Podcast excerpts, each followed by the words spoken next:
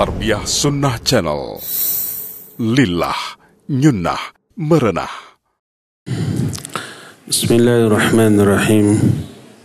Assalamualaikum warahmatullahi wabarakatuh. Innal hamdalillah nahmaduhu wa nasta'inuhu wa nastaghfiruh. Wa na'udzu billahi min syururi anfusina wa sayyiati a'malina. من يهده الله فلا مضل له ومن يضلل فلا هادي له. وأشهد أن لا إله إلا الله وحده لا شريك له وأشهد أن محمدا عبده ورسوله. يا أيها الذين آمنوا اتقوا الله حق تقاته ولا تموتن إلا وأنتم مسلمون. وبعد. Hadirin jamaah Masjid Raya Cipaganti yang Allah muliakan. Alhamdulillah pagi ini kita kembali berjumpa mengangkat tema buah manis dari keikhlasan. Ya manis ya harum. Kalau di BC gambarnya durian si montong. Manis harum Dagingnya tebal, bijinya tipis, manisnya itu nyelekit sampai ke hati. Buah dari keikhlasan lebih daripada manisnya si montong. Buah dari keikhlasan ini ada dua jenis. Ada mu'ajjalah dengan ain, ada muajjalah dengan hamzah. Muajjalah dengan ain artinya yang disegerakan di dunia. Muajjalah dengan hamzah artinya yang ditunda untuk di akhirat nanti. Jadi buah dari keikhlasan ini mencakup dimensi dunia juga akhirat. Alam dunia, alam akhirat. Aspek dunia, aspek akhirat. Juga aspek lahir dan juga batin. Juga untuk pribadi ataupun untuk kelompok komunitas orang banyak. Pokoknya buah dari keikhlasan ini luar biasa mencakup banyak hal, banyak dimensi, banyak pihak. Kita akan memulai membahas buah dari keikhlasan yang mu'ajjalah dengan ain. Apa mu'ajjalah dengan ain? Yang disegerakan di mana? Di dunia ya. Buahnya ini banyak, bingit sebanyaknya. Pertama, anna sahibal ikhlas yakfihillah min wujuhin iddat. Pertama bahwa orang yang ikhlas Allah akan berikan perlindungan dari banyak segi. Nah segi-seginya ini poinnya banyak. Pertama, Allah Azza wa Jalla yakfihi amrun nas fala yasiluhu syai'un minhum yakrahuhu Pertama Allah akan memberikan perlindungan kepada orang yang ikhlas dari rencana jahat manusia. Konspirasi makar atau tipu daya manusia yang berbahaya. Allah akan berikan perlindungan kepada ya orang yang ikhlas. Allah berfirman dalam surah Az-Zumar 36, "Alaisallahu bikafin 'abdahu wa yukhawwifunaka billadzina min dunihi." Bukankah Allah itu pasti melindungi hambanya? Mereka menakut-nakuti engkau, hai Muhammad, dengan sesembahan-sesembahan yang mereka sembah selain Allah. menakut-nakuti dengan berhala. Karena dalam keyakinan mereka berhala yang mereka sembah apa pun bentuknya baik patung, pohon yang dianggap keramat atau ruh nenek moyang mereka yang sudah mati dianggap punya kekuatan yang bisa memberi madarat dan manfaat. Makanya mereka sembah. Maka ketika Nabi Muhammad SAW menyuruh mereka berhenti menyembah semua patung itu. Sembahlah Allah satu. Mereka menakut-nakuti awas kualat kamu. Akan ditimpa musibah, wabah atau kesialan atau kerugian lain di dunia. Ditakut-takuti. Allah menyatakan alaisallahu bikafin abdah wa yukhawifunaka billadzina min dunih. Bukankah Allah akan melindungi hambanya? Akan di sini pasti ya. Kenapa? Sebab Allah menggunakan bentuk atau sigat isim fa'il kafin bukan yakfi kafa yakfi isim fa'ilnya kafin kalau menggunakan isim bukan fiil itu ablag. Ablag itu lebih sempurna maknanya, lebih pasti. Allah menyatakan alaisallahu bikafin abdahu. Bukankah Allah pasti akan memberi perlindungan kepada hambanya. Lafad abdun, abdun ini tunggal mufrad, singular. Artinya satu. Tapi diidafatkan kepada hu. Diidafatkan itu disandarkan kepada hu, amdahu. Kalau isim mufrad diidafatkan kepada isim ma'rifat, hu ini domir dan domir pasti ma'rifat. Maka maknanya umum walaupun Allah menjelaskan abdahu seorang tapi maknanya umum hamba yang mana saja siapa saja sehingga makna dari ayat ini alaihissallahu bikafin ibadahu bukankah Allah pasti memberikan perlindungan kepada hamba-hambanya seluruh hambanya seluruh nah kalau seluruh ma'atu termasuk orang kafir, orang kafir hamba Allah bukan? Iya hamba Allah. Tapi adanya pembatasan dengan hu abdahu dengan makna ibadan lahu itu makna hamba di sana adalah hanya manusia yang menghambakan diri kepada Allah Subhanahu wa taala. Orang kafir menghambakan diri apa tidak? Tidak. Hanya orang-orang mukmin dengan kadar penghambaan yang luar biasa. Teknisi, ini lampu sebelah kiri saya. Parem apa parem? Mati. Jadi engke saya hidung sabelah ketinggalin. Jadi maksud ayat ini adalah dijelaskan oleh Imam Ibn Qayyim rahmatullahi alaih dalam kitab I'lamul Muwaqqi'in ketika menerangkan ayat ini.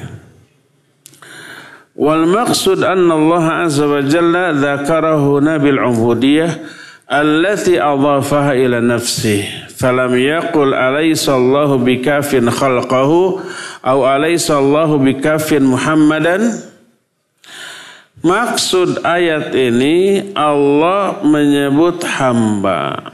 Maknanya orang yang menghambakan diri kepada hamba Allah Allah tidak menyebut bukankah Allah akan memberikan perlindungan kepada makhluknya?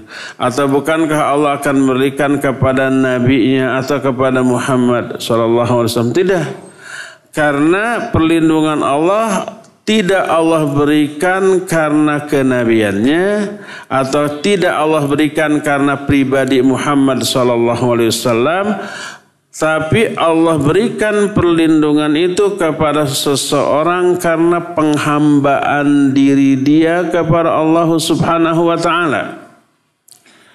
Jadi dikatakan alaihi sallahu bikafin abdahu liyadulla dzalika ala anna sirral kifayah huwa tahqiqul ubudiyah. Ini menunjukkan bahwa syarat dapatnya perlindungan kalau diaplikasikannya penghambaan diri dia kepada Allah. Semakin seseorang menghambakan diri kepada Allah, semakin besar perlindungan Allah kepada dia, semakin kuat, semakin hebat. Dan kenapa ayat ini dijadikan sebagai dalil tentang buah keikhlasan? Karena keikhlasannya tercakup dalam penghambaan. Penghambaannya murni kepada Allah. Dan inilah hakikat dari keikhlasan. Ikhlas itu kan memurnikan amalan untuk dia, untuk Allah. Memurnikan niat dari amalan itu untuk dia, untuk Allah. Memurnikan cara menghambakan diri itu dengan syariat dari dia. Jadi di dalam keikhlasan terkandung tiga hal. Dalam penghambaan ini tergantung ter kandung tiga hal, tiga poin yang berkaitan dengan keikhlasan. Pertama, amal ibadah itu hanya ditujukan kepada Allah. Kedua, niat beramal itu untuk Allah, bukan dibagi dua, sebagian untuk Allah, sebagian untuk komentar manusia, memperoleh likes dari manusia, memperoleh tam dari manusia, jempol ya. Tidak. Ketiga, dalam mengamalkan amalan ibadah itu hanya memakai syariat dari dia, dari Allah. Tidak ngarang-ngarang sendiri, tidak mengadopsi dari cara ibadah agama lain tidak mengambil tata cara ibadah dari adat istiadat kultur budaya kebiasaan umumnya manusia. Enggak tapi cara melakukan ibadah ini murni melalui syariat Allah yang Allah turunkan. Itu hakikat dari penghambaan. Di dalam penghambaan terkandung ikhlas Makanya berkata Imam Ibn Qayyim, "Wala tatahaqqaqul ubudiyah illa bitamamil ikhlas." Tidak akan terwujud hakikat dari ubudiyah dari penghambaan kecuali dengan keislah, ke, keikhlasan yang sempurna. Jadi kalau tiga poin ini terkandung dalam ibadah kita, pertama amal itu untuk Allah. Eh, dilakukan karena Allah yang kedua untuk uh, ikhlas benar-benar hanya untuk Allah tidak dibagi dua dan yang ketiga hanya memakai syariat Allah sempurnalah hakikat dari penghambaan yang dilakukan oleh orang itu maka dipastikan perlindungan dari Allah Azza wa Jalla akan turun kepada dia Seberapa besar perlindungan Allah kepada dia berbanding lurus dengan seberapa besar kadar penghambaan dan keikhlasan dia dalam menghambakan dirinya kepada Allah. Makin ikhlas, makin menghambakan diri, makin besar perlindungan Allah. Kalau kadar penghambaannya sedikit, perlindungan yang Allah berikan kepada dia juga sedikit. Sebuah riwayat dari Amir Ash-Sha'bi. Amir Ash-Sha'bi seorang tabi'in. Tabi'in teh siapa? Orang yang sezaman dengan siapa? Dengan sahabat. Tidak bertemu dengan Nabi SAW. Nabinya sudah wafat. Mereka baru lahir, ketemunya dengan para sahabat, belajar Islam kepada para sahabat dan mati dalam keadaan Islam itu tabi'in. Salah satu di antara Amir Asy-Sya'bi, dia berkata, Kataba Umar ila Abi Musa radhiyallahu anhuma. Man khalasat niyatuhu fil haqq walau ala nafsi kafahu Allahu ma bainahu wa bainan nas. Ya majro loh. Ini mah mendalam loh. Ya. Ini ungkapan dari orang yang pemahaman pengamalan agamanya tingkat tinggi ini.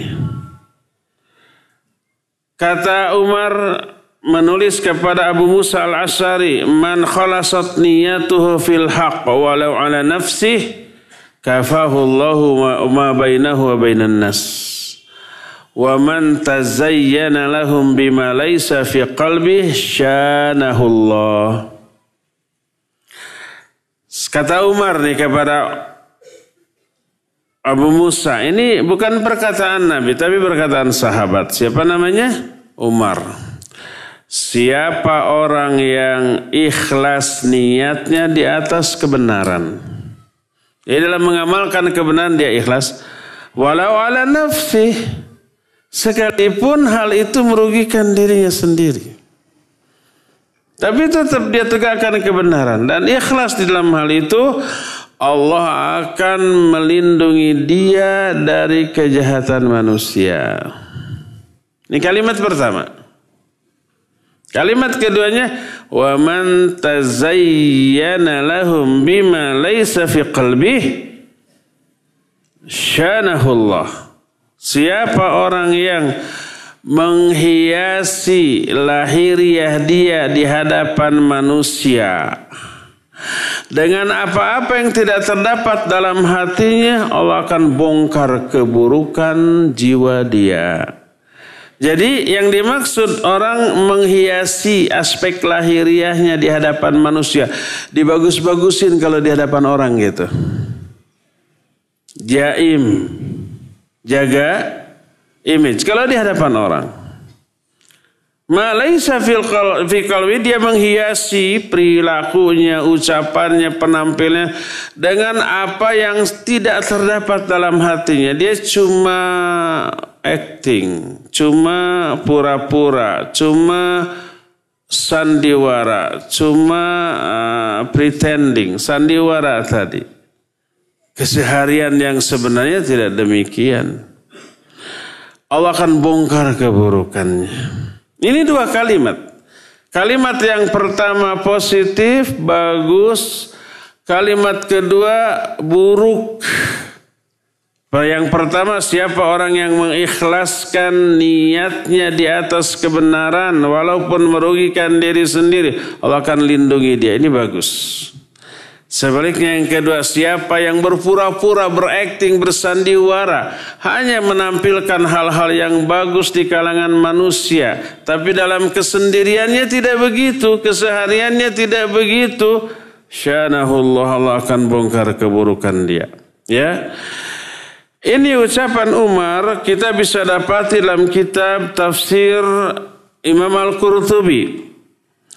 Dan dalam banyak kitab yang lainnya seperti Al-Kasfu an Wujuhil Qiraat, Hujjatul Qiraat dan yang lain-lain dikutip oleh para ulama. Dan ketika menerangkan ucapan Umar ini berkata Imam Ibn Qayyim rahimahullah. Kata Imam Ibn Qayyim, "Hadza syaqiqu kalamin nubuwah." وهو جدير بأن يخرج من مشكاة المحدث المهلم مملهم وهاتان الكلمتان من كنوز العلم ومن أحسن الإنفاق منهما نفع غيره وانتفع غاية الانتفاع Perkataan ini mirip perkataan para nabi. dan ini layak ditulis dengan tinta emas. Dua kalimat ini min kunuzil ilim. Kunuz itu simpanan harta kekayaan yang berharga. Dua kalimat ini termasuk harta berharga di antara harta-harta yang berupa ilmu yang bermanfaat tidak hanya bagi diri sendiri tapi juga bagi orang lain. Adapun kalimat pertama ma wa fahiya mambaul khair wa aslu ini sumber dari segala macam kebaikan adapun kalimat yang kedua aslu syar wa fasluhu sumber dari segala macam keburukan kalimat pertama ikhlas kalimat yang kedua ria Kalimat pertama kan orang yang mengikhlaskan niatnya di atas kebenaran walaupun merugikan diri sendiri, Allah akan lindungi dia dari kejahatan manusia. Itu ikhlas. Kalimat kedua, siapa orang yang pura-pura, yang acting, yang bersandiwara, yang menampakkan hal-hal baik, tetapi hal baik itu sebenarnya tidak menjadi karakter bagi dirinya. Hanya tampil baik di hadapan orang, semata-mata ini ria. ya Itu adalah pokok pangkal segala macam keburukan. Lalu Imam Ibn Qayyim melanjutkan penjelasannya. Fa innal abda idza khalasat niyatuhu lillahi ta'ala wa kana qasduhu wa hammuhu wa amaluhu liwajhihi subhanahu wa ta'ala kana Allahu ma'ah fa innahu subhanahu taqaw hum muhsinun wa ra'sut taqwa wal ihsan khulusun niyati lillah fi iqamatil haqq. Wallahu subhanahu wa ta'ala la ghaliba lah. Faman kana mahu faman dhal ladhi yaghlibuhu aw yanaluhu bisu. Fa in kana Allahu ma'al abdi faman yakhaf. Wa in lam yakun ma'hu faman yarju. Wa biman tathiq wa man yansuruhu min ba'dih fa idza qama al-'abdu bil haqqi 'ala ghairihi wa 'ala nafsihi awwalan wa kana qiyamuhu billahi walillah lam yakun lahu syai'un walau kadatis samawati wal adwal jibal lakafahu Allahu ma'unataha wa ja'ala lahu farjan wa makhraja. Seorang hamba bila ikhlas niatnya karena Allah Tujuannya untuk Allah, cita-citanya untuk Allah, amalnya hanya untuk memperoleh wajah Allah, maka Allah akan menyertai orang itu. Mana menyertai? Melindungi, menolong, mengokohkan, menguatkan, dan yang sejenisnya karena Allah ma'alladzina taqaw walladzina hum muhsinun. Allah selalu menyertai orang-orang yang bertakwa dan orang-orang yang berbuat kebaikan. Pokok pangkal ketakwaan dan ihsan, ihsan itu berbuat baik, adalah ikhlasnya niat hanya untuk Allah dalam menegakkan kebenaran, Sedangkan Allah tuh nggak akan mungkin ada yang bisa mengalahkannya. Siapa orang yang disertai oleh Allah, tak ada seorang pun yang bisa mengalahkan orang itu atau memberikan keburukan, kemadaratan kepada orang itu. Bila Allah menyertai seorang hamba, siapa yang ditakuti oleh hamba tadi? Siapa yang bisa menyentuhnya, memberikan keburukan kepada orang itu? Sebaliknya, siapa orang yang berjalan sendirian, tidak disertai oleh Allah, tidak dilindungi, tidak ditolong, tidak dikawal, tidak dikokohkan, siapa yang bisa diharapkan oleh orang itu? Siapa yang bisa dipercaya oleh orang itu? Siapa yang bisa menolong orang itu apabila orang itu memperoleh sesuatu yang tidak diharapkannya?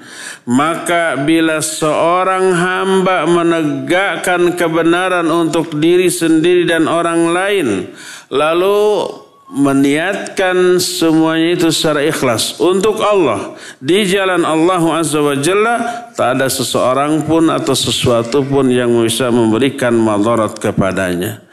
Dia akan diberikan setiap dari setiap masalah jalan keluar solusi.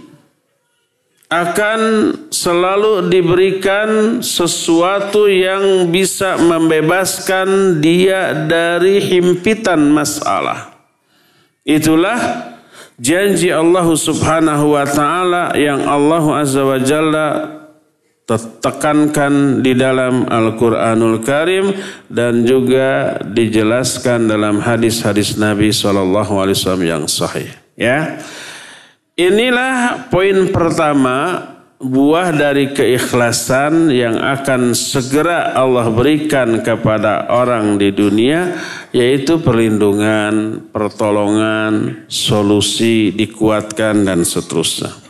Kedua, annallaha yunji sahibal ikhlas inda syada'id wal kurub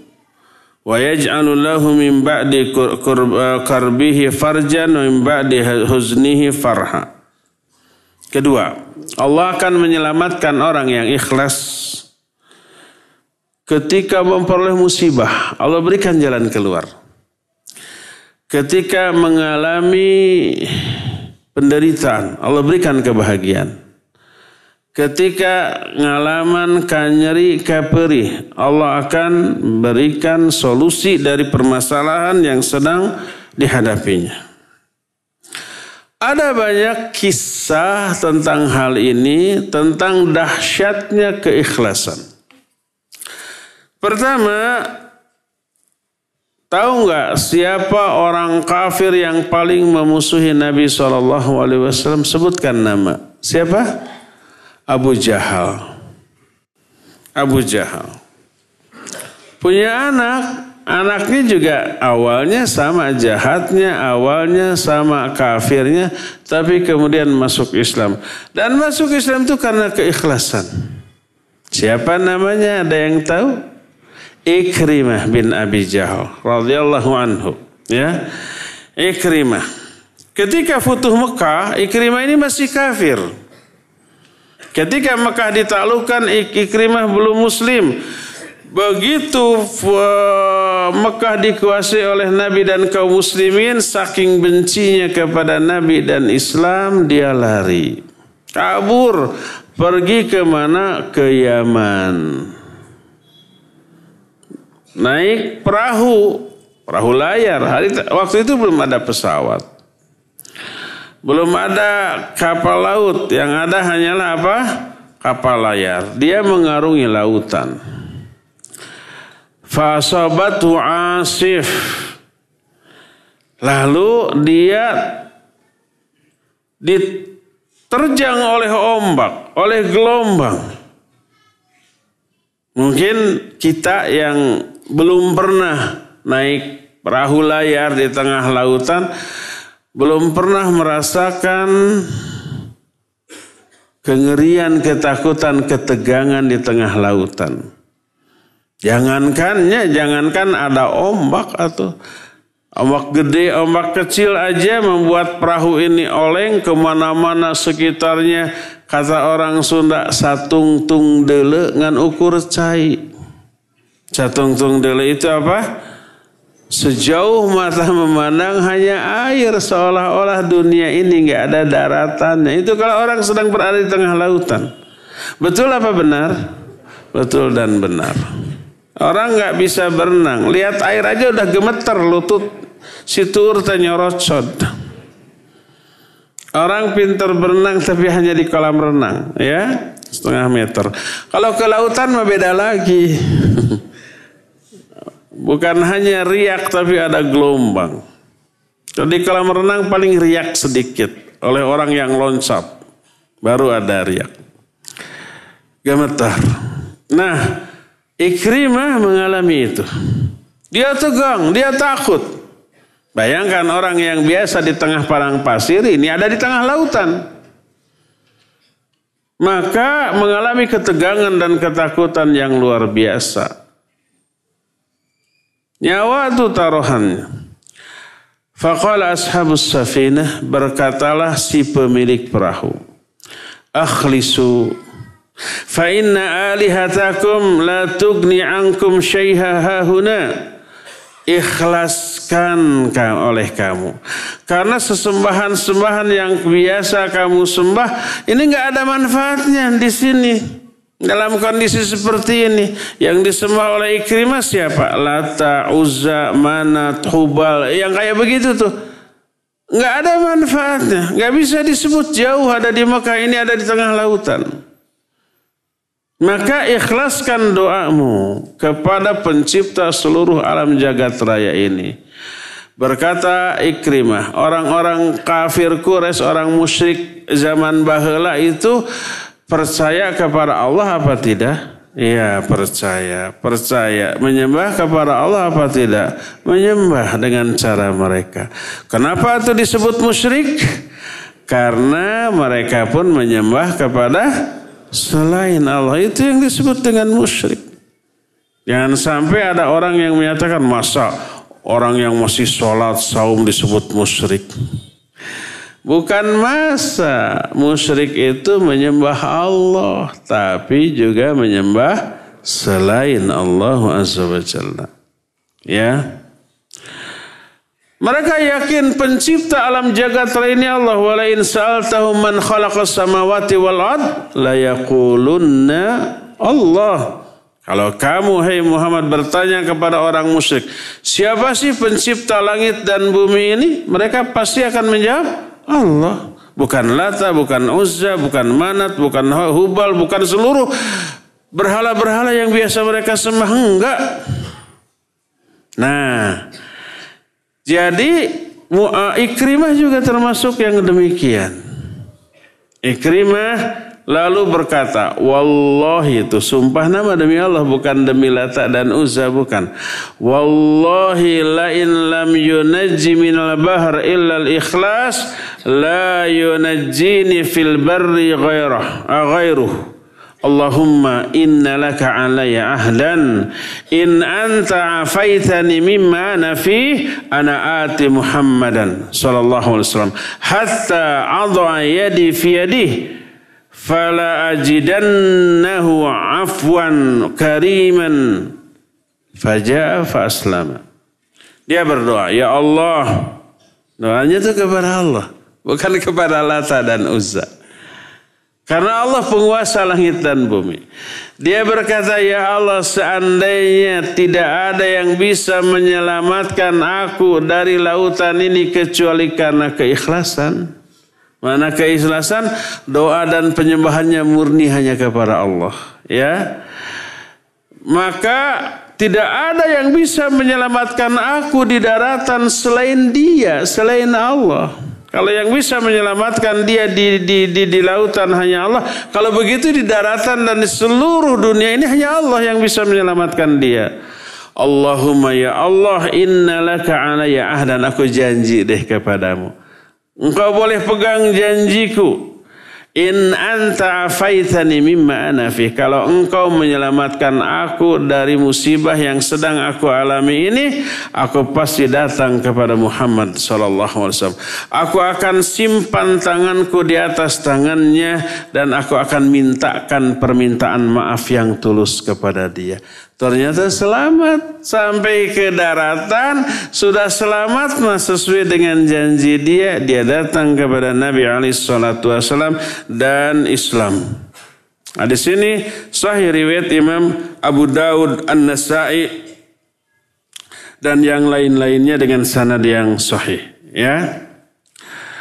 Siapa yang menyelamatkan Ikrimah dari lautan? Tentu saja Allah Subhanahu wa taala bukan sesembahan-sesembahan yang lain dan diselamatkannya Ikrimah karena ketika itu dia berdoa murni ikhlas kepada Allah Subhanahu wa taala. Ini tidak hanya berlaku bagi Ikrimah. Berlaku bagi semua orang. Siapa yang ikhlas, Allah akan selamatkan dia dari musibah. Tidak hanya musibah yang mengancam nyawa, tapi berbagai macam musibah.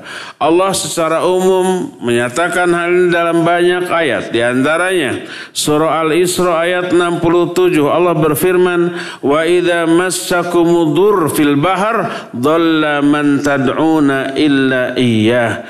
Apabila kalian mengalami musibah di lautan, maka hilanglah ingatan kalian kepada berhala-berhala yang kalian sembah kecuali hanya kepada Allah Subhanahu wa taala.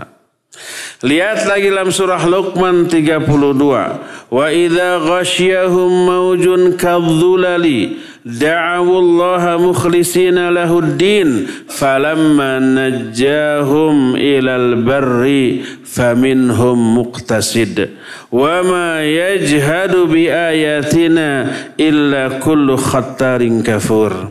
Kata Allah, dan apabila mereka diombang-ambingkan oleh gelombang di lautan, di tengah lautan. Mereka sedang berlayar. Datang gelombang, datang badai, ya. Dalam keadaan begitu, da'awullaha mukhlishina lahudin. Mereka berdoa kepada Allah secara ikhlas, murni menunjukkan doanya hanya kepada Allah. Ini keikhlasan. Apa akibatnya? Akibatnya Allah selamatkan dia. Allah kabul doanya. Ini orang musyrik. Ketika daratan dia musyrik. Dia menyembah Allah, dia berdoa kepada Allah, tapi juga menyembah dan berdoa kepada selain Allah Subhanahu wa taala. Itu di daratan. Tapi ketika di lautan, ketika diombang-ambingkan oleh gelombang yang dahsyat, dia hanya berdoa kepada Allah dan tidak berdoa kepada sembahan lain. Allah kabulkan. Falamma najahum ilal barri. Coba lihat. Ketika Allah menyelamatkan kembali orang itu ke daratan. Apa yang terjadi? Kata Allah Azza wa Jalla. Faminhum muqtasid.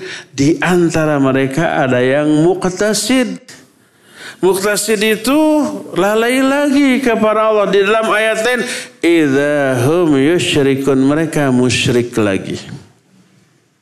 Di daratan musyrik sampai ke lautan bertauhid hanya berdoa kepada Allah secara ikhlas murni karena Allah dikabul oleh Allah kembali selamat ke daratan musyrik lagi. Nyebelin nggak tuh orang? Nggak nyebelin cuma super nyebelin. Bingit jadi berlipat-lipat nyebelinnya orang itu. Ini yang pertama bagaimana Keikhlasan bisa menyelamatkan dia. Contoh kedua, itu tadi orang kafir. Itu tadi orang musyrik.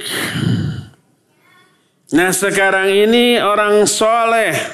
Seorang nabi yang mulia. Bapaknya para nabi. Siapa? Ibrahim alaihissalatu wassalam. Ibrahim ketika beliau meninggalkan kaumnya meninggalkan apa namanya mereka karena Allah Subhanahu wa taala.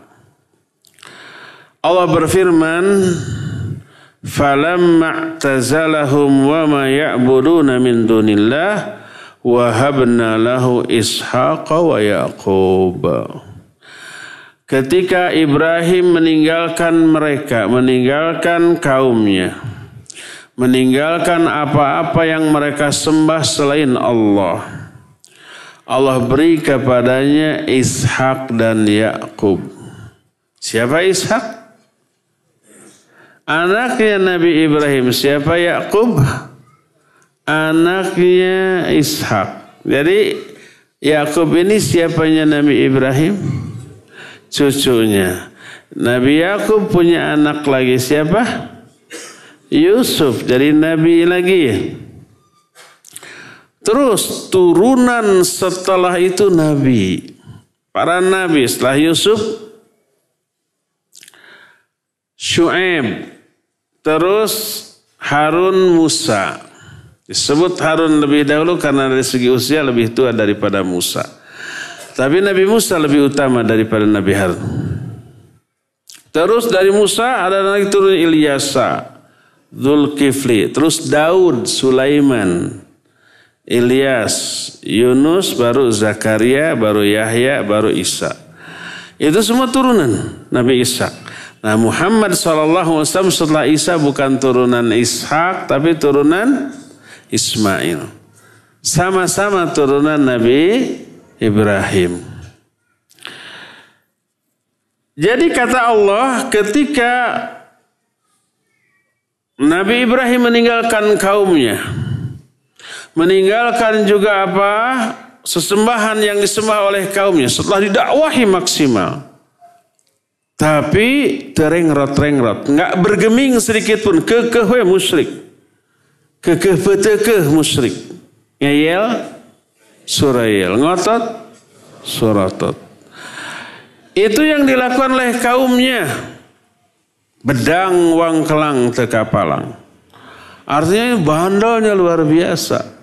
Dalam bahasa Sunda banyak ungkapan-ungkapan indah tuh yang tidak terdapat dalam bahasa lain. Kalau nggak diungkapkan sayang, nggak puas rasanya. Maka ketika Nabi Ibrahim meninggalkan berhala-berhala yang disembah oleh kaumnya. Karena beliau ingin beribadah murni hanya kepada Allah. Kalau masih tetap bersama kaumnya nggak bisa ibadah. Karena apa ya kaumnya mengganggu. Kaumnya memiliki power, kekuasaan. Siapa penguasa di zaman itu? Raja siapa?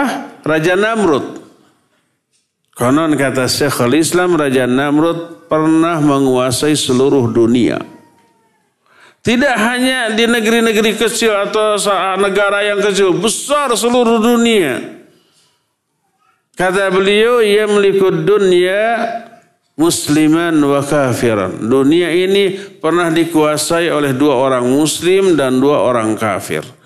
Amal musliman fa dhul qarnain wa Sulaiman. Adapun orang dua orang muslim yang pernah menguasai dunia adalah Qarnain dan Sulaiman. Qarnain diikhtilafkan oleh para ulama apakah beliau nabi atau tidak. Tapi yang jelas Dzulkarnain namanya disebut dalam Al-Quran. Surah apa yang menceritakan kisah Dzulkarnain? Al-Kahfi ya bagian-bagian terakhir dari surah Al-Kahfi tersebut. Setelah diceritakan kisah Nabi Musa dengan Nabi Khidir setelah selesai baru wayas alunaka anzil qarnain. Mereka bertanya kepada engkau hai Muhammad tentang Dzulkarnain. Baru cerita Dzulkarnain. Itu menguasai seluruh dunia. Dari barat sampai ke timur. Yang kedua, Sulaiman itu sudah ma'ruf ya. Nabi Sulaiman tidak hanya menguasai bangsa manusia, tapi juga bangsa jin, bangsa binatang, angin juga bisa disuruh oleh beliau. Ya, itu dua orang soleh, orang muslim yang pernah menguasai dunia. Adapun fa'amal kafiran. Adapun dua orang kafir yang pernah menguasai dunia, yang pertama adalah siapa? Pe, eh, pembangun atau yang membentuk negara Iskandaria. Siapa? Zulkarnain Iskandar Zulkarnain juga. Ada dua Zulkarnain, satu muslim, satu kafir.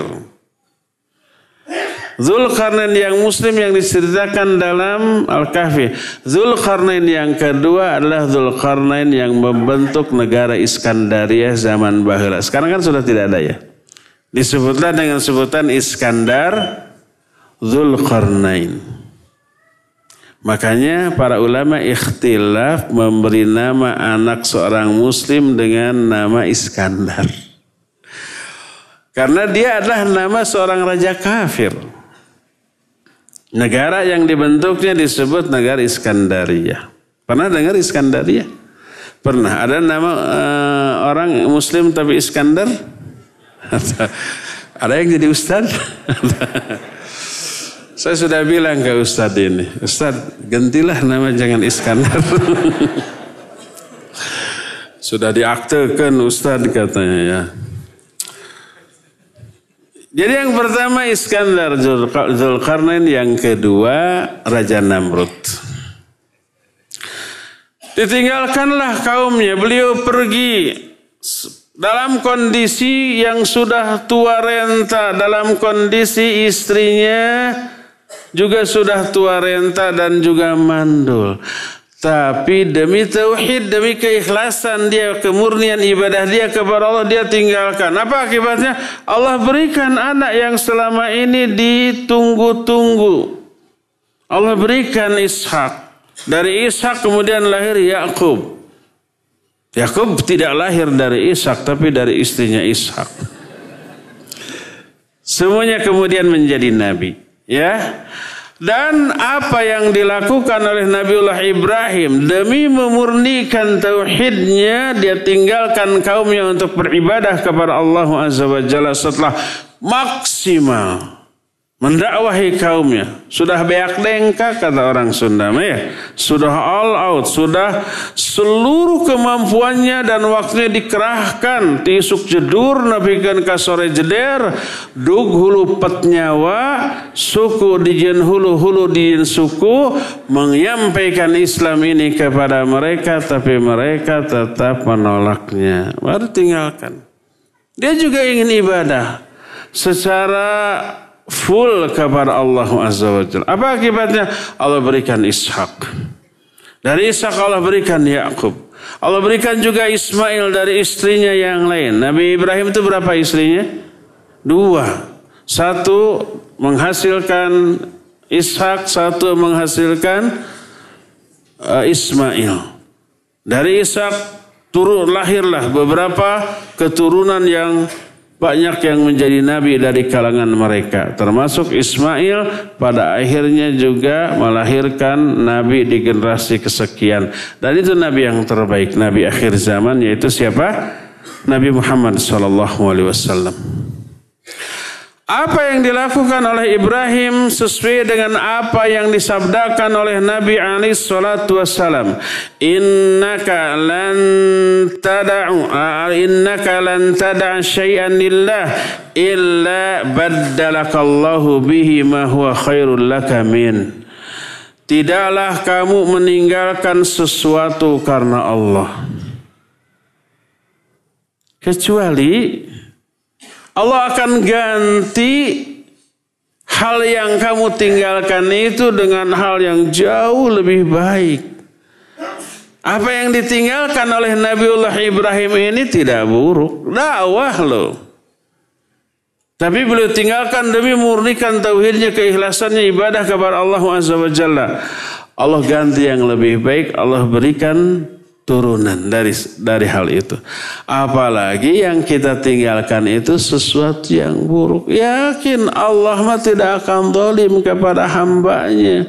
Kalau kita meninggalkan sebuah kebiasaan buruk karena takut kepada Allah, yakinlah Allah nggak akan menyia-nyiakan pengorbanan kita.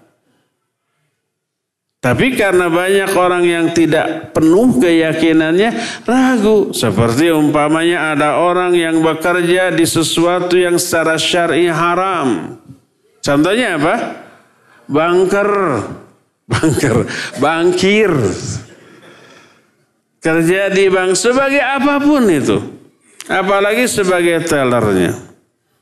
Sebagai apanya pun di sana. Karena dosa riba itu empat ini sama. Ya syahiduhu, akiluhu, wa mukilahu, wa syahidu, wa katibu, kulluhum sawa. Orang yang memakan harta riba, yang memberi riba ke orang lain, saksinya, dan juga penulisnya dosanya sama. Tidak ada bedanya. Haramnya jelas. Tapi kalau mau keluar, Kerja apa lagi ya? Ragu apa tidak? Ragu banyak tuh. Saya sudah manajer. Sudah di atas 30 juta itu. Apanya mah? Gajinya. Kalau keluar, aduh apa harus dagang bala-bala? Dari manajer jadi tukang bala-bala ya. Jangan ragu, keluar saja. Karena takut kepada Allah. Begitu keluar Allah akan ganti. Dia akan dapat pekerjaan baru. Tadinya sebagai manajer, sekarang jadi GM. Bahkan jadi direktur. Ada yang seperti itu. Suatu saat saya diundang ke Jakarta. Di sebuah bangunan perkantoran. Di bangunan itu kantornya banyak, termasuk di antaranya bank. Begitu masuk ke ruangan tempat kajian di belak di di luar ruangan kajian itu ada yang dagang buku-buku eh, obat-obat herbal madu madu palsu dan Dan tapi madu palsu itu aman dibawa ke ke rumah dan yang lain-lain. Panitia bilang ke saya, Ustadz lihat itu yang ngampar yang jualan buku. Mm Kenapa gitu? Dulu dia manajer bank ini kantornya di sini. Keluar karena takut tentang bahaya riba, lalu dia dagang di emperan. Karena selama jadi manajernya dia baik ke orang, ketika dia keluar eh, penggantinya juga baik segan ke dia minta izin dagang boleh bayangkan dagang ngampar PKL di sana merenya hmm? dilihat oleh mantan-mantan anak buahnya, nggak ada gengsi, nggak ada malu. Luar biasa ini orang, ya. Setelah beberapa bulan tiba-tiba nggak ada orang itu. Ke mana yang yang ngampar itu? Ex bankir itu, mantan manajer itu. Nggak ada Ustadz pindah. Ke mana? Keluar Jawa. Kenapa dagang juga? Enggak. Dia diangkat oleh salah satu perusahaan nasional sebagai general manager. Masya Allah. Setelah beberapa bulan, dia cerita sebelum beberapa bulan itu bangkrut dulu itu PKL-nya itu karena dagang buku, dagang obat-obat herbal. Seringkali antara pemasukan dengan pengeluaran tidak tidak seimbang. Ya, umpah yang laku hanya berapa? 30, 40, 50 ribu lah yang laku. Makan dia sehari aja sudah lebih dari 100 ribu. Lama-lama bangkrut, lama-lama uh, berkurang berkurang dan akhirnya nggak bisa melanjutkan lagi usaha seperti itu. Dia mengalami kolap dulu, dia mengalami keraguan dulu. Mana ya janji Allah tanya? 8 bulan dia begitu loh. Tabungan-tabungan sudah digerogoti, sudah habis. Sebagian barang sudah dijual. Apalagi yang harus dijual untuk menafkahi anak istrinya. Eh dalam kondisi seperti itu tiba-tiba dia ketemu relasi ketika dia jadi GM. Ketemu tanpa disengaja ngobrol-ngobrol. Loh udah berhenti dan susah. Akhirnya diajak gabung. Karena ini dulu bagus sebagai manajer. Track recordnya bagus. Prestasinya bagus. Akhirnya di, diajak langsung diangkat jadi GM. Mana yang lebih tinggi, manajer apa GM? GM, GM itu pemimpin para manajer, ya. Nah, wallahu alam sekarang mungkin sudah jadi direktur di sebuah perusahaan yang halal. Pokoknya jangan ragu kepada janji Allah Azza wa Jalla, ya. Kata Nabi SAW, Innaka lan tada'a syai'an lillah illa baddalakallahu bihi ma huwa khairul laka min. Tidaklah kamu meninggalkan sesuatu karena Allah.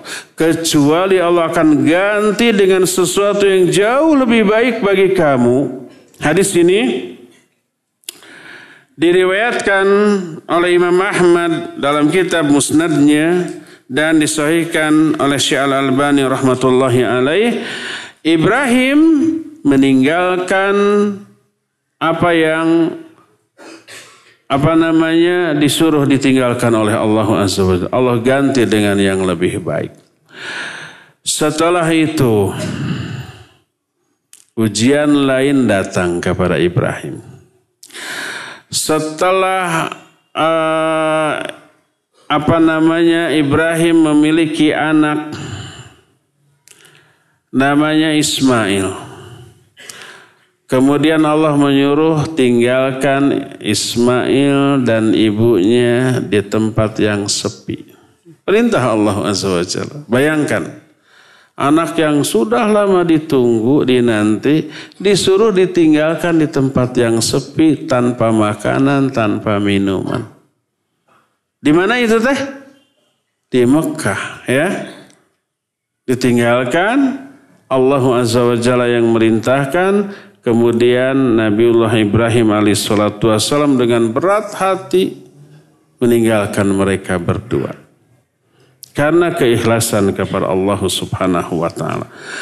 Maka Nabi Ibrahim setelah itu memperoleh berbagai macam karunia yang jauh lebih besar. Termasuk anak-anak turunannya kelak menjadi para nabi. Seluruh nabi adalah anak-anak turunan dari Nabi Ibrahim alaihissalatu. Inilah seorang hamba bila dia memegang teguh keikhlasan. Coba perhatikan kita mungkin jauh ya dari hal ini.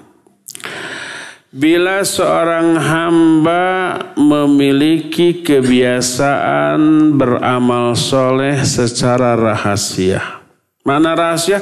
Gak ada seorang pun yang tahu. Baik itu sholat, sodakoh, saum, amar ma'ruf, nahi munkar. Tidak ada yang tahu kecuali dia dan Allah subhanahu wa ta'ala maka pertama Allah akan menegarkan, menyabarkan orang itu, menolong dan menguatkannya, sekalipun secara fisik mengalami penderitaan yang hebat dan dahsyat. Betapa banyaknya dahulu para sahabat di awal-awal kehidupan mereka masalah memeluk Islam mengalami siksaan yang dahsyat, tapi mereka tegar karena keikhlasan. Termasuk para sahabat para ulama terkemudian mengalami hal itu. Salah satu ulama yang menjadi rujukan bagi ulama setelahnya. Murid-muridnya juga menjadi para ulama. Di antara muridnya adalah Imam Ibn Qayyim. Imam Ibn Kathir. Imam Az-Zahabi. Itu murid-muridnya. Siapa orang ini? Syekhul Islam Ibn Taimiyah rahimahullah. Selama hidupnya tidak pernah mengalami kesenangan. Nyaris. Kesenangan lahir. Selama hidupnya belajar, mengajar, perang, jihad, berdebat dengan ahlul bidah, ditangkap, dipenjara, disiksa, begitu. Sampai akhir kehidupannya di penjara oleh bangsa Tartar dan mati dalam keadaan sujud di malam hari. Tahajudnya. Orang yang melihat lahiriah beliau nggak tega melihatnya. Nah, tapi apa kata beliau? Beliau menyatakan kata beliau nih kata Syekhul Islam di tengah-tengah penderitaannya beliau menyatakan ma yasnau ibi ana jannati wa uh, ana jannati wa bustani fi sadri In ruhtu fahiya ma'i la tufariquni. Inna habasi khulwatun wa qasri syahadah wa ikhraji min baladi siyaha. Apa sih yang dilakukan oleh musuh-musuhku kepadaku? Aku dan surgaku serta tanamku dan tamanku selalu berada dalam hatiku. Bila aku pergi, surgaku tak pernah lepas dari diriku. Sesungguhnya di penjaranya aku merupakan khalwah. Apa khalwah? Khalwah itu berdua-dua dengan Allah di penjara. Nggak ada orang. Tanpa ada orang yang mengganggu. Beliau fokus kepada Allah SWT. Ibadah, membaca Al-Quran. Al-Quran itu sudah di dalam kepala, bukan di luar kepala. Tinggal murojaah, ngulang-ngulang dengan penghayatan. Itu sudah kenikmatan yang luar biasa. Plus dibaca dalam sholat. Tahu nggak kenapa Nabi, para sahabat, para ulama sholatnya itu lama? Pertama pasti hafalannya banyak. Seluruh Al-Quran hafal. Kedua ada penghayatan. Penghayatan itu menyebabkan jiwanya seolah-olah mengembara di alam yang lain. Ketika di dalam sholatnya beliau membaca ayat tentang surga, seolah-olah beliau melihat surga dan merasakannya. Lalu meminta kepada Allahumma ja'alni min ahlil jannah. Ketika membaca ayat-ayat tentang neraka begitu menakutkan mereka itu bisa sesegukan menangis. Begitu terus. Itu tidak terasa. Di dalam surat membaca itu lama. bisa enjoy, bisa apa namanya merasa menikmati. Itu khulwat. Kata beliau, "Inna habasi khulwatun." Sesungguhnya di penjaranya aku ini khulwat. Kalau di luar nggak bisa senikmat itu. Di luar banyak apa? Banyak kepentingan, banyak aktivitas. Bertetangga harus ngajar, harus dakwah, harus mengurus ini dan itu dan seterusnya. Jin juga diurus tuh. Ada orang yang kesurupan, di itu, di ini, dirukyah oleh orang lain. Tekerel-kerel. Tidak sembuh-sembuh. Dibawa kepada Syekhul Islam Ibn Taimiyah. Sudah gogorowokan baru bertemu juga ya. Tidak dirukyah, tidak diapa, cukup dipukul punggungnya sambil menyebutkan ukhruj ya aduwallah. Keluar wahai musuh Allah. Itu langsung sembuh. Di luar banyak urusan. Tapi begitu di penjara, menyendiri. Di penjaranya aku khulwat, kata beliau. Wa qatli syahadah dibunuhnya aku adalah syahadah. Syahadah itu apa? Mati syahid. Kematian yang paling mulia kematian yang menjadi cita-cita setiap muslim. Orang yang mati syahid seluruh dosanya kecil ataupun besar diampuni oleh Allah Azza wa Jalla. Ya, dinikahkan kepada 70 orang bidadari surga. Aduh, satu saja sudah luar biasa. Ini 70.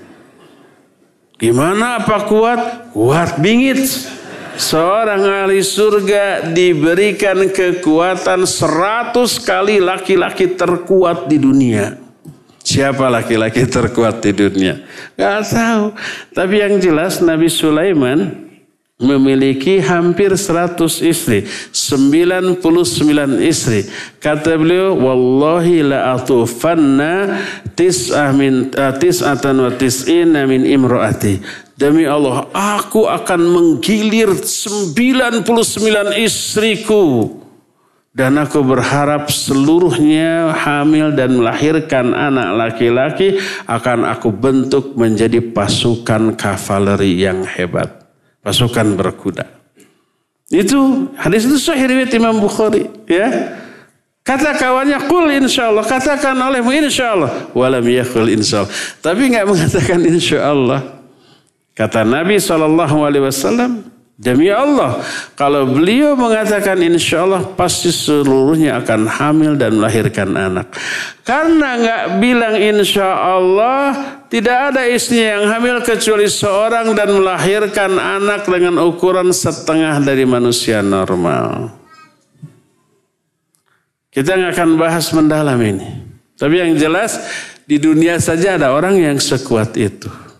Di akhirat, di surga tapi di akhirat bukan di neraka. Diberi kekuatan seratus kali lipat orang terkuat di dunia. Jangan khawatir, ini baru 70. Qatli syahadah. Terbunuhnya aku adalah syahid. Kalau di penjara khalwat dan nikmat, dibunuh adalah syahid, apa yang ditakutkan? Apa yang dikhawatirkan? Wa ikhraji min baladi siyaha. Diusirnya aku dari negeriku adalah siyaha. Siyaha itu piknik. Siyaha itu apa namanya berlibur ya bersenang-senang. Tak ada yang merugikan, tak ada yang membuat mereka itu apa menderita. Beliau di penjaranya seperti kalau sekarang di, di, di penjara militer, benteng yang sangat kuat. Apa kata beliau? Lau badzaltu mil'a hadhil qal'ah dhahaban ma'adala indi syukr hadhihi ni'mah. Seandainya aku menginfakan emas sebanyak atau sebesar benteng yang aku tempati ini itu tidak sebanding dengan rasa syukurku atas nikmat yang Allah berikan kepadaku. Di penjara disiksa adalah sebuah kenikmatan yang beliau rasakan. Karena keikhlasan dalam berdakwah, dalam beramal. Kenapa? Ketika disiksa bukankah itu sakit? Kenapa tidak um, dianggap sebagai kerugian bahkan keuntungan.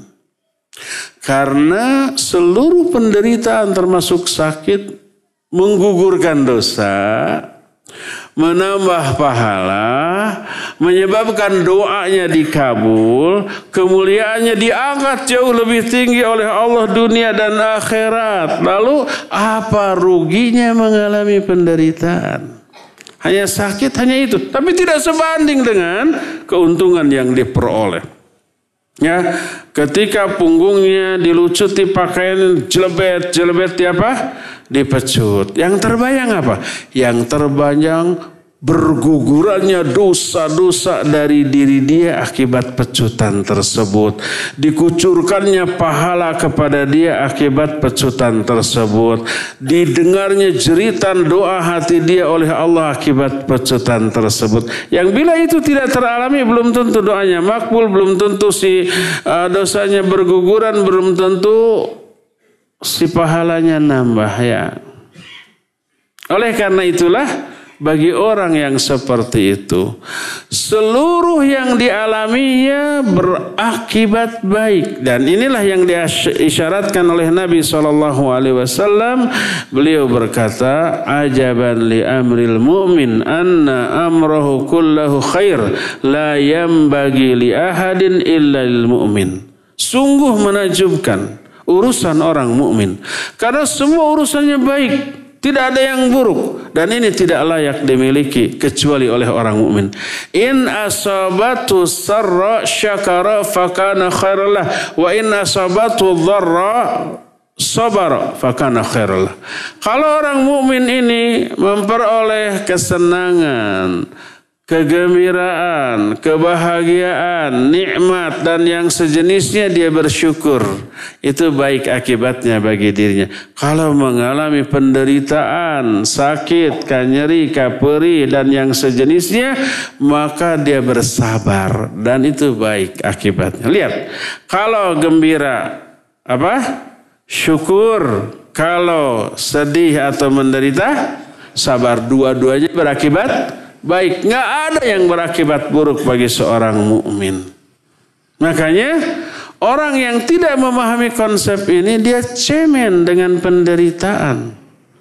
Dia cengeng sedikit-sedikit menangis, sedikit-sedikit mengeluh, sedikit-sedikit stres, sedikit-sedikit putus asa dengan penderitaan yang sedang dialaminya. Apa pun penderitaannya, termasuk sakit. Itu orang nggak kenal konsep yang tadi ya. Jadi orang yang ikhlas akan ditegarkan, disabarkan, ditangguhkan oleh Allah Subhanahu wa taala. Intinya adalah miliki kebiasaan baik yang dirahasiakan. Nih, coba lihat perkataan para ulama. Berkata Abdullah bin Daud Al-Khurabi, dia berkata, Kanu yastahibbuna ayyakuna lirrajul khabi'atun min amali salih la ta'lamu bihi zauzatuhu wala ghairuha. Para ulama as-salafus salih sangat menganjurkan agar seseorang memiliki amal soleh yang disembunyikan. Sembunyikan amal soleh. Tidak diketahui sekalipun oleh istrinya ataupun oleh orang lain. Berkata Zubair bin Awam, Man istata'a minkum an takuna lahu khaybatun min amalin solih fal, fal yaf'al. Siapa yang mampu di antara kalian memiliki amal soleh yang disembunyikan, dirahasiakan, gak diberitahukan ke hadapan banyak orang, termasuk kepada istrinya, anaknya, teman terdekatnya, lakukan itu. Itu adalah bukti nyata dari apa? Dari keikhlasan dia kepada Allah Azza wa Jalla. Berkata Nuaim bin Hammad rahimahullah. Sami sami'tul mubarak sami'tu Ibnu Mubarak yaqul. Aku mendengar Ibnu Mubarak berkata. Abdullah bin Mubarak. Ma ra'aitu rajulan irtafa mithla Malik bin Anas. Laisa lahu kathiru shalah wala siyam illa an takuna lahu sarirah.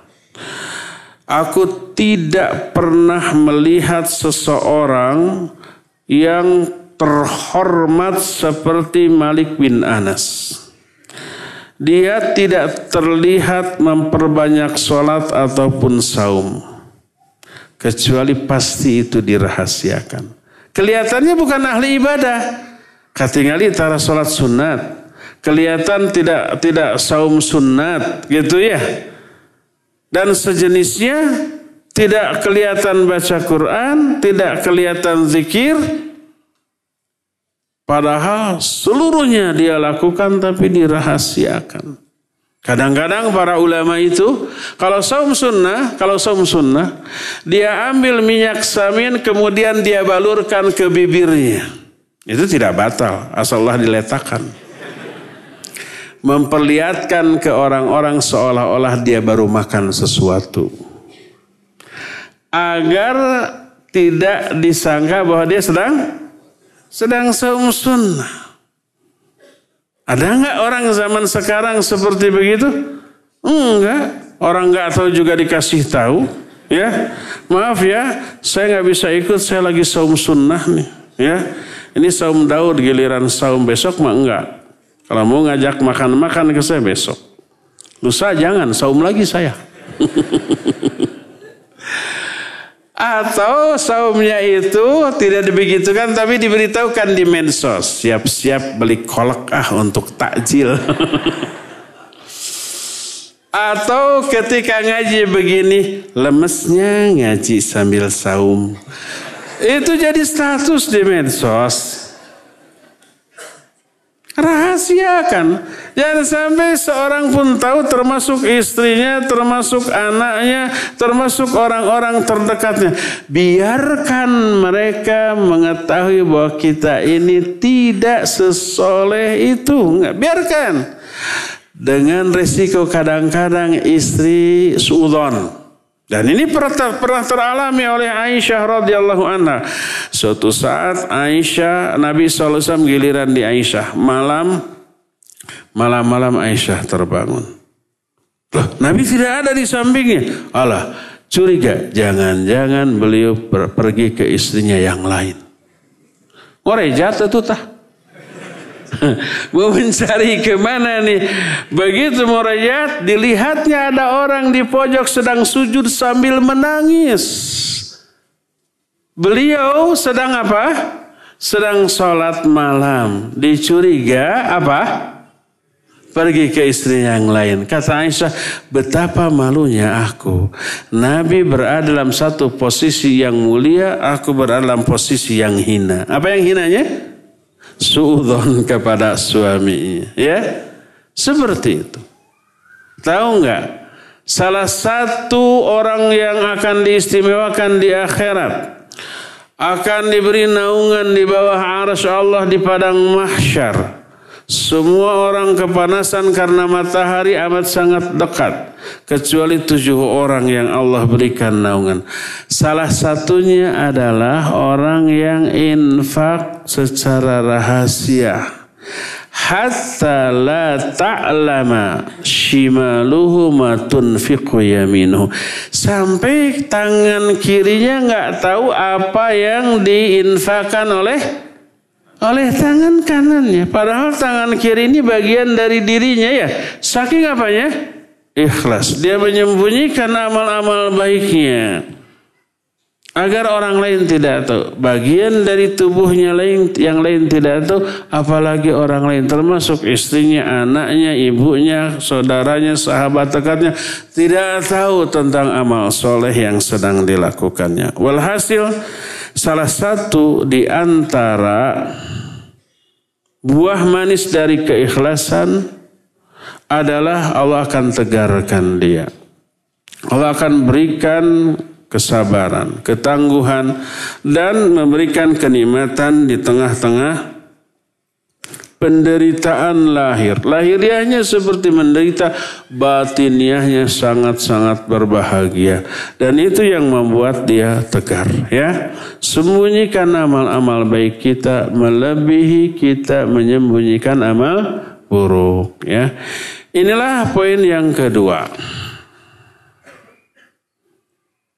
Poin yang ketiga. Ini poin kedua dari bentuk Allah menyelamatkan atau melindungi dia ya. Bentuk ketiga bulan depan. Eh bulan depan. Ah pekan depan. Iya betul bulan depan juga ya. Hari Selasa yang akan datang insya Allah kita lanjut. Sekarang cukup sampai di sini dan kita masuk ke sesi tanya jawab. Ikhwan, ada yang mau ini siapa? Yang berkacamata udah dapat belum? Yakin? Mana Mike, Mike, Mike? Siapa namanya? Dik Dik. Hijriyah. Hijri. Ah, Hijri. Hijri masih sekolah. Kuliah. Siga budak ini. Sebutkan dua faidah dari keikhlasan. Tes tes. Ahwat siap-siap pegang mic ya. Ya. Tes tes. Bismillah Ustaz.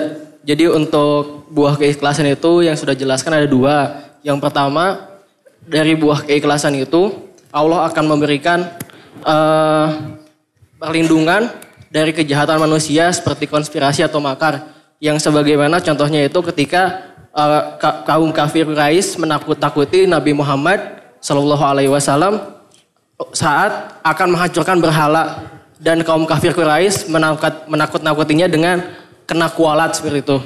Yang kedua adalah uh, orang yang ikhlas akan diselamatkan oleh Allah.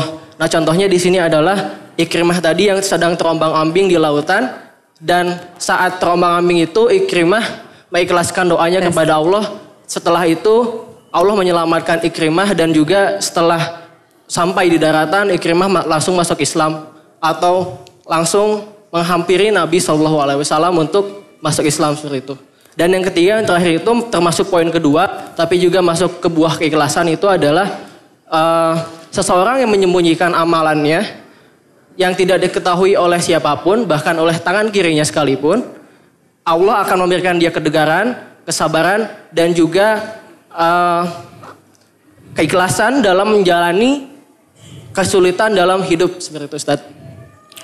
Itu mah resume ceramah tadi. Barakallahu fiik ya. Ahwat, yes, diambil ya. sekarang. Fadal. Giliran nahwat. Ya Ustadz siap. Siap. Ahwat, siapa nama orang ketika Futuh Mekah dia lari ke Yaman? Diombang-ambingkan oleh gelombang. Namanya siapa ya? Uh, Ikrimah Ustadz. Bapaknya siapa? Jahal. eh? Bapaknya siapa?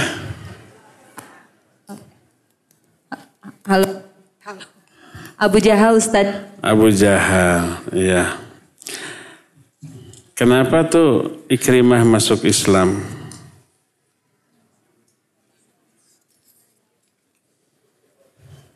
Uh, dia diselamatkan dari uh, gelombang.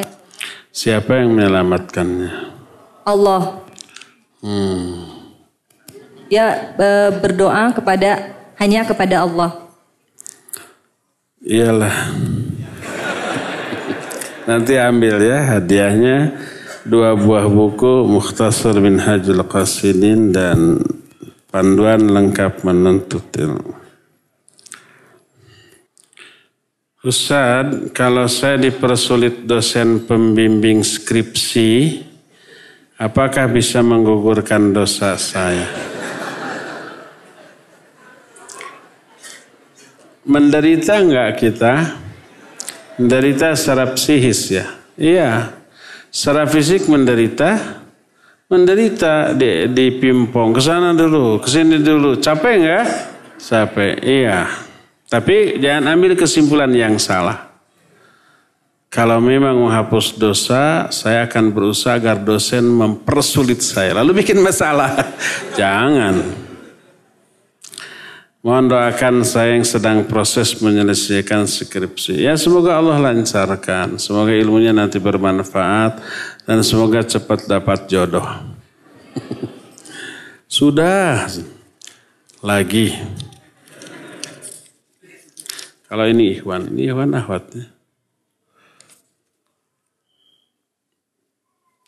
Afwan jika oot. Tadi juga ootnya. Seorang jamaah saat mendengar penjelasan bahwa penghuni surga dan neraka sudah ada ketetapan beliau, menanyakan di mana letak adilnya Allah jika dari awal sudah ada nama-nama penghuni surga neraka. Mohon penjelasan. Iya, barakallahu fiik. Benar, innallaha khalaqal jannata wa khalaqalaha ahlaha. Wa khalaqa faqala fala ubali. Wa khalaqan nar wa khalaqa laha ahla faqala fala ubali. Sungguhnya Allah menciptakan surga dan telah menciptakan calon-calon penghuninya. Lalu Allah berkata, aku nggak peduli. Allah juga menciptakan neraka dan menciptakan calon-calon penghuninya dan berkata, aku tidak peduli. Ya, jadi Pak calon penghuni surga dan calon penghuni neraka itu sudah Allah tetapkan. Di mana adilnya Allah? Nah, ketetapan Allah itu tidak mungkin lepas dari keadilan Allah. Kalau Allah menyesatkan seseorang, pasti karena keadilannya. Allah tahu seluruh yang berkaitan dengan orang tersebut lahirnya dan batinnya. Dan disesatkannya seseorang oleh Allah itu hukuman atas dosa dan kesalahan orang itu sebelumnya. Seperti contoh, Iyakum wal kadhiba fa innal kadhiba yahdi ilal fujur. Jauhi oleh kalian dusta, karena dusta itu menyeret pelakunya kepada fujur. Fujur itu maknanya dua. Pertama al-wuku fil ma'asi, terjerumus ke dalam dosa. Kedua khuruj anit to'ah, keluar dari ketaatan. Dua-duanya fujur. Dan fujur itu salah satu penyebabnya adalah dusta. Kalau orang sebelum berdusta rajin tahajud, saum ke Senin Kamis, baca Quran sehari satu juz, setiap ada pengajian selalu hadir. Itu ketaatan. Allah beri hidayah. Suatu saat dia berdusta. Karena berdusta Allah cabut hidayah tersebut. Akhirnya kok kalau malam malas ya bangun. Akhirnya kebablasan sampai subuh. Sampai subuh. Berhenti itu dari tahajudnya. Siangnya mau saum, aduh lapar, lemes, nggak jadi saumnya. Oh, dia keluar dari ketaatan saum. Ada kajian, ah biasanya semangat ya, ustadznya belum datang, dua jam sebelumnya dia sudah datang. Kok sekarang ustadznya sudah bubar, dia baru datang. Allah cabut hidayah. Jadi kadang terus diberikan semangat maksiat. Kok tiba-tiba jadi pingin hadir ke dangdutan ini? Tadinya mah anti. Jadi jadi senang. Diberikan keinginan untuk maksiat. Itu hukuman dari Allah atas apa? Atas kedustaan yang tadinya dia lakukan. Walhasil kalau Allah menyesatkan seseorang itu karena keadilannya. Allah pasti ada alasan yang bisa dipertanggungjawabkan nanti. Sampai akhirnya dia kelak masuk ke dalam neraka itu pasti karena keadaan Allah. Inna rabbaka huwa a'lamu biman dhalla an sabili wa huwa a'lamu dalam ayat lain biman ihtada dalam satu ayat disebut bil muhtadin. Allah lebih tahu siapa orang yang layak disesatkan dan siapa yang layak untuk diberi hidayah. Allah lah yang lebih tahu lahir batin. Coba lihat iblis laknatullahi alaih dahulu ahli ibadah dengan ah, ibadah yang hebat. Lalu kok kenapa akhirnya disesatkan dan jadi makhluk terlaknat? Kita sudah sering bahas. Kenapa ada rahib yang dari kecil ibadah sampai tua, tapi setelah tua dia belot melakukan dosa dan akhirnya sujud ke iblis dan mati dalam keadaan sujud. Kenapa Allah tidak memelihara orang itu sampai akhir hayatnya ya? Itu sudah kita terangkan ya. Allah lebih tahu. Iblis ibadah hebat ada ketakaburan di dalam hatinya. Allah tahu takaburnya iblis, makhluk lain malaikat nggak tahu dan Allah bongkar. Kenapa iblis akhirnya jadi makhluk terlaknat? Padahal dia ahli ibadah karena ternyata selama ibadahnya itu ada ketakaburan. Makanya Allah bongkar. Kenapa si rahib tadi dari kecil ibadah sampai tua. Kok sudah tua dia bermaksiat akhirnya sujud kepada iblis dan mati dalam keadaan demikian. Sampai Allah menyatakan dalam Al-Quran. Kama salis syaitani idh qala lil insani kfur. Falamma kafara qal inni bari ummink inni akhafullaha rabbal alamin. Seperti setan ketika bicara kepada orang. Orang ini rahim. Kufur kamu. Eh dia ngikut kufur. Ketika kufur hukuman mati dilaksanakan. Iblis berkata, aku berlepas diri dari kamu. Aku pun takut kepada Allah Rabbul Alamin. Nah, kenapa begitu? Oleh para ulama dianalisa. Oh, ternyata sang rahib tersebut di dalam ibadahnya ada hal yang menyebabkan ibadahnya tertolak. Dan Allah Azza wa Jalla membongkar hal itu dengan cara mudahnya dia tergoda oleh maksiat dan terjerumus dalam dosa dan maksiat mati dalam keadaan demikian. Secara umum Nabi menyatakan inna rajula la ya'malu bi amali ahli jannah hatta la yakuna wa bainahu wa illa dhira. Ada orang yang mengamalkan amalan ahli surga sampai dekat dengan surga selangkah lagi tapi belot melakukan amalan ahli neraka mati dalam keadaan dia demikian dan masuk neraka. Kenapa ada orang seperti itu? Para ahal awalnya ahli ibadah kok di akhir hayatnya belot. Ternyata dianalisa oleh para ulama ibadahnya itu tertolak. Kenapa? Mungkin ada niat yang tidak ikhlas atau mungkin pelaksanaannya tidak mutabaah kepada Nabi SAW. Jadi kalau Allah menyesatkan orang sampai masukkan orang ini ke dalam neraka pasti ada sebab yang Allah tahu. Dan kita tidak tahu. Itu pasti karena keadilan Allah Subhanahu wa taala. Apakah sami'na wa ata'na hanya terbatas pada fikih saja? Enggak, terutama akidah. Semua syariat ini wajib kita sami'na wa ata'na. Bagaimana cara mencapai keikhlasan? Nanti dibahas cara meraih keikhlasan ya. Buah ikhlas saja belum selesai.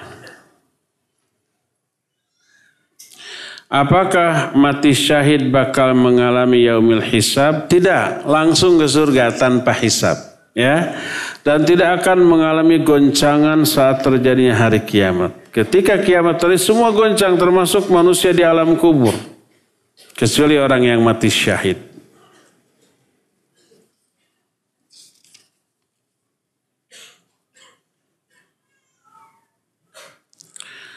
Apa hukum melayani jual beli dengan kartu kredit? Saya kerja tidak berkaitan dengan bank. Tidak boleh kita memiliki kartu kredit. Ikhwan dan akhwat yang punya kartu kredit cepat tutup. Pertama ada bunga. Ada bunga apa tidak? Ada. Kalau kita telat bayar, dihitung bunga kan? Sehari sekian. Lebih telat, lebih besar. Walaupun walaupun kita bisa pastikan kita nggak akan telat bayar. Sebelum jatuh tempo kita sudah bayar sehingga tidak terkena sanksi e, bunga.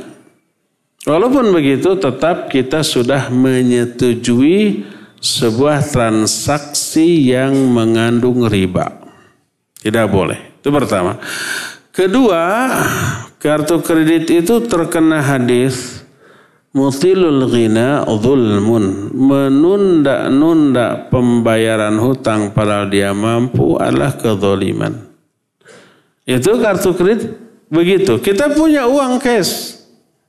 Tapi biar gaya Pas belanja itu nggak perlu uang, cukup keluar kartu gesek tanda tangan, gesek tanda tangan. Kapan bayarnya? Nanti. Itu kan dibayarin dulu sama siapa?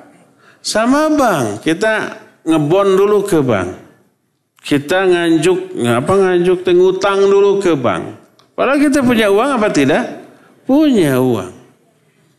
Nanti aja dibayarnya sehari sebelum jatuh tempo. Biar tidak terkena bunga.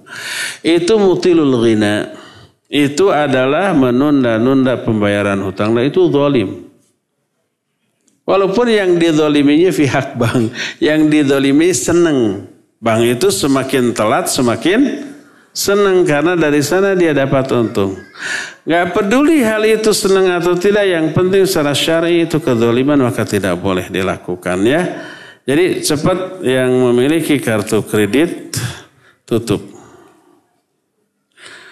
Apakah GoPay? GoPay. Apa itu GoPay? Termasuk riba. Apa itu GoPay? Ada yang bisa menjelaskan GoPay apa? Gimana gimana? Angga gimana? Naruh uang elektronik, itu, imani, imani,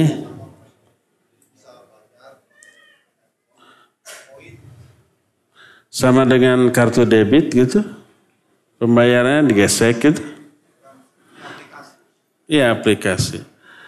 GoPay. Ada diskon nggak ketika membayar dengan GoPay? Ada. Itu riba. GoPay kalau ada diskon itu riba. Karena apa? Karena diskon itu hadiah dari orang yang meminjam kepada kita. Jadi kita deposit uang gitu ya. Deposit uang sekian. Terus beli barang atau jasa gitu dibayar pakai itu, tapi ada diskon. Iya, itu sama dengan kita menyimpan uang diberi hadiah diskon. Dan kullu qardin jarra bihil manfah fahuwa riba. Semua pinjaman yang melahirkan manfaat dari hal itu maka itu riba. Berbeda dengan kita beli cash, umpamanya ini berapa harganya? 100 ribu. Tapi karena ini umpah saya sedang senang, saya kasih diskon 30 persen cash. Itu nggak apa-apa karena bukan pinjam meminjam. Itu jual beli. Kalau ini meminjamkan uang ke si pemilik perusahaan GoPay ini, eh, kita menyimpan uang itu kan, jadi meminjam. Lalu pas ada transaksi dikasih diskon. Kalau nggak pakai GoPay nggak ada diskon. Diskon itu hadiah dari si peminjam kepada yang meminjamkan dan itu riba. Kecuali kalau tidak ada diskon-diskonan seperti itu tidak mengandung unsur riba.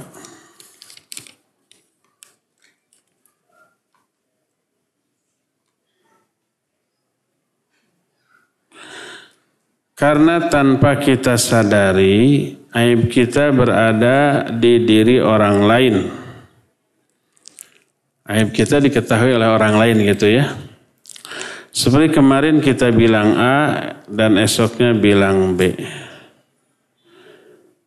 Lalu kalau lalu kita sadar karena seorang mengatakan aib kita tadi langsung kepada kita. Kita ikhlas akan penderitaan, akan perkataan orang lain tadi tentang aib kita dan ridho terhadap penderitaan. Apakah aib ini juga termasuk penderitaan lahir dan batin? Kita punya salah dan salah itu aib. Orang lain tahu aib kita, gitu kan?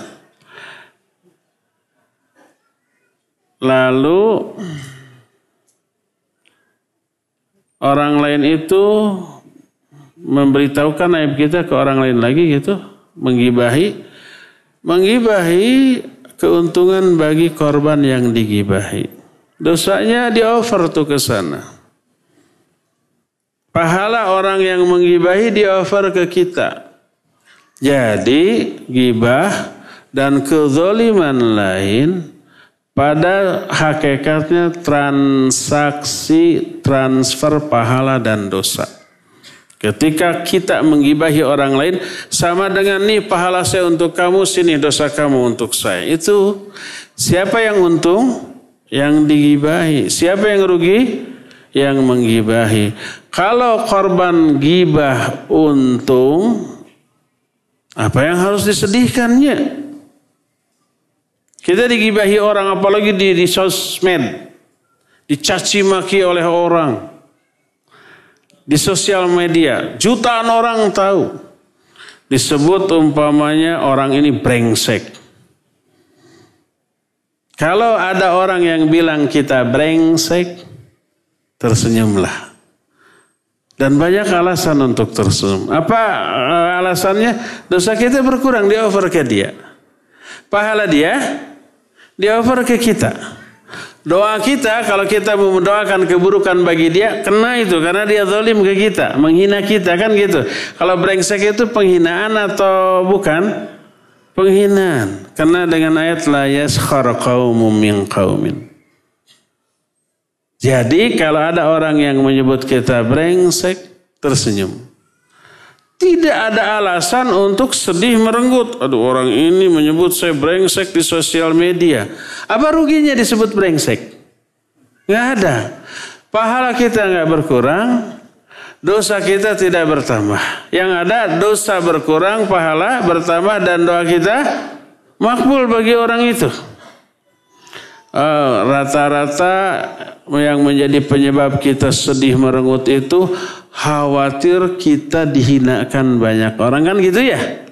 Kalau kita dianggap brengsek orang-orang nanti menghinakan kita. Enggak.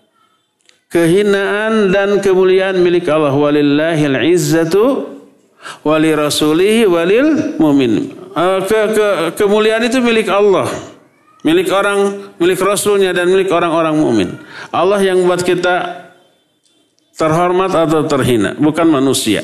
Ya, wa tu'izzu man tasya wa tudhillu man tasya. Ya Allah, Engkau memuliakan siapa saja Engkau kehendaki untuk dimuliakan dan menghinakan orang-orang yang Engkau kehendaki untuk dihinakan.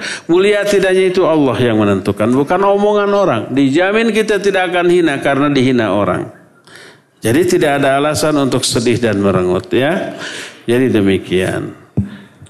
Ya cukup sampai di sini tidak semua pertanyaan bisa dijawab karena terbatasnya waktu dan stamina. Kita cukupkan sampai di sini. Insya Allah kita akan berjumpa kembali di Selasa yang akan datang. Subhanakallahum bihamdik asyhadu an la ilaha illa anta astaghfiruka wa atubu ilaik. Walhamdulillahi rabbil alamin. Wassalamu alaikum warahmatullahi wabarakatuh